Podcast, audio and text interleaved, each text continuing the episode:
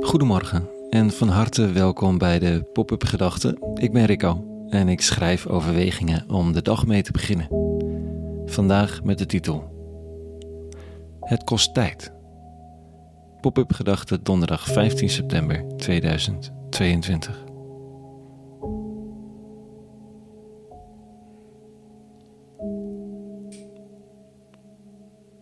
Wat kost tijd? Nou, het meeste. Het belangrijkste, het meest.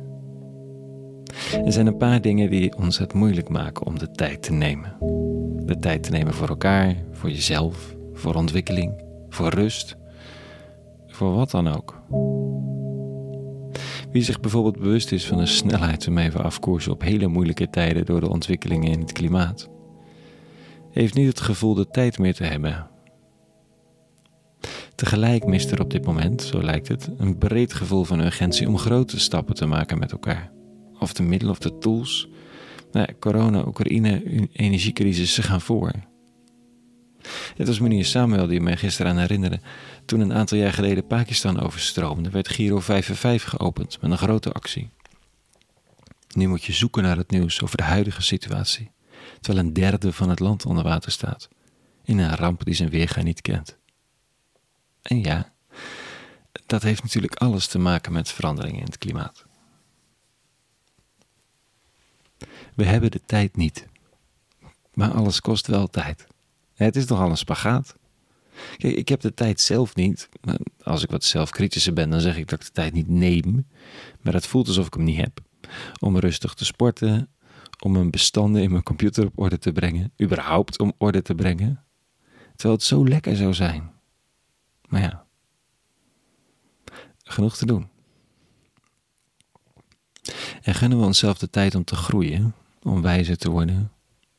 Toen ik mijn eerste boek schreef, De Dominee Vloeken, citeerde ik in de inleiding Tim Keller. Die zei iets als: Ik zou me schamen voor een boek dat ik voor mijn vijftigste geschreven zou hebben.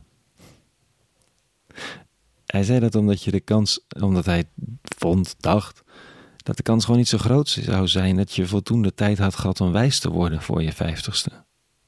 Ik gaf hem daar gelijk in. Zei dat ik me mogelijk over dit boek ook een beetje zou generen in de toekomst, maar dat ik het toch maar schreef.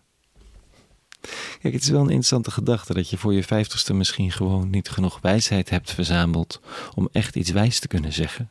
Los van wat toevaltreffers en interessante dingen. Dat zou betekenen dat je de tijd moet nemen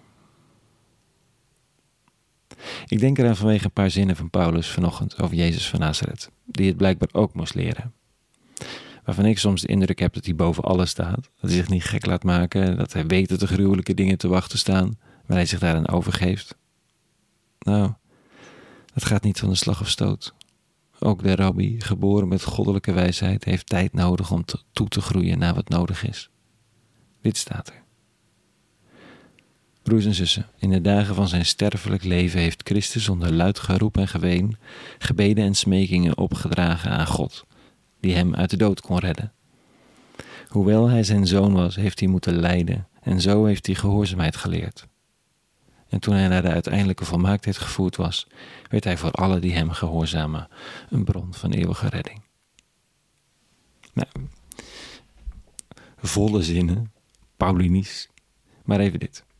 Leven doet pijn, vaak, en de worsteling daarmee kost tijd. Het inzicht in wat het betekent kost tijd. Er is geen simpele oplossing, verklaring of quick fix. Als het zelfs voor Jezus van Nazareth een dramatische worsteling is om vrede te vinden met zijn rol, hoe is het dan voor jou en mij?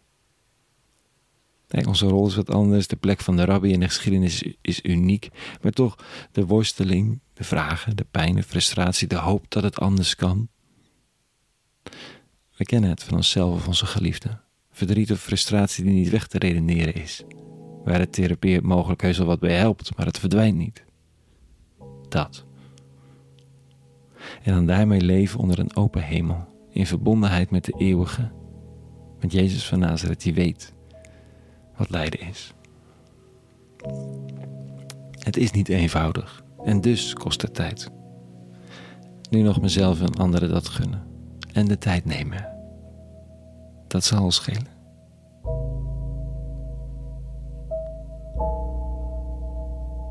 Tot zover vanochtend. Een hele goede donderdag gewenst. En vrede en alle goeds.